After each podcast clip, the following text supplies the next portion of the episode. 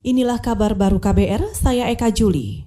Saudara Kementerian Pemberdayaan Perempuan dan Perlindungan Anak menyebut banyaknya informasi di internet terkait COVID-19 dapat mengganggu psikologis anak. Sekretaris Deputi Bidang Tumbuh Kembang Anak Kementerian Pemberdayaan Perempuan dan Perlindungan Anak, Eko Novi Arianti mengatakan, Orang tua harus selalu mendampingi dan memperhatikan informasi apa saja yang didapat anak. 70% anak mempercayai bahwa informasi yang mereka terima adalah valid dan mereka 73% anak menganggap bahwa informasi yang mereka terima sudah cukup. Pengaruh penyebaran COVID-19 pada anak itu adalah mereka menyatakan bahwa sebagian besar anak menjadi sangat waspada terhadap situasi. Namun ada juga yang paranoid, tapi ini juga harus kita waspadai. Sekretaris Deputi Bidang Tumbuh Kembang Anak Kementerian Pemberdayaan Perempuan Perempuan dan Perlindungan Anak, Eko Novi Arianti juga menegaskan, informasi terkait COVID-19 harus meningkatkan kepedulian anak terhadap kesehatan, sehingga mereka menerapkan pola hidup sehat dan bersih di tengah penyebaran COVID-19.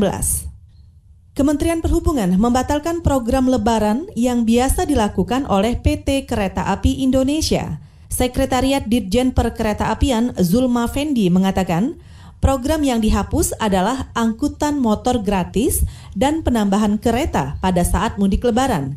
Itu dilakukan sebagai langkah pencegahan penyebaran COVID-19. Pertama adalah untuk angkutan motor gratis. Kami sampaikan sekali lagi bahwa untuk angkutan motor gratis yang selama ini setiap tahun kita programkan dalam rangka mudik, ini tahun ini kita batalkan atau kita tunda. Nah, yang kedua adalah bahwa untuk kereta api tambahan lebaran ya yang selama ini juga kita programkan untuk tahun ini kita tiadakan. Itu tadi Sekretariat Ditjen Perkereta Apian Zulma Fendi.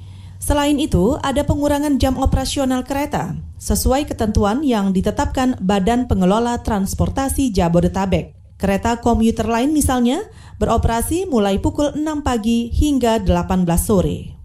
Saudara, nilai tukar rupiah terhadap dolar Amerika Serikat menguat di perdagangan pasar spot hari ini.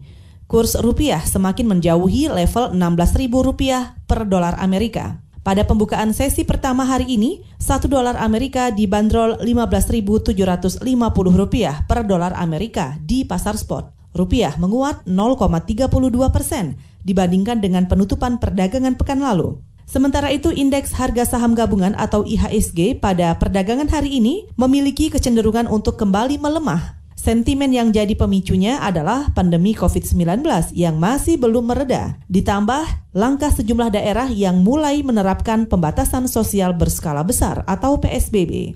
Saudara, demikian kabar baru. Saya Eka Juli.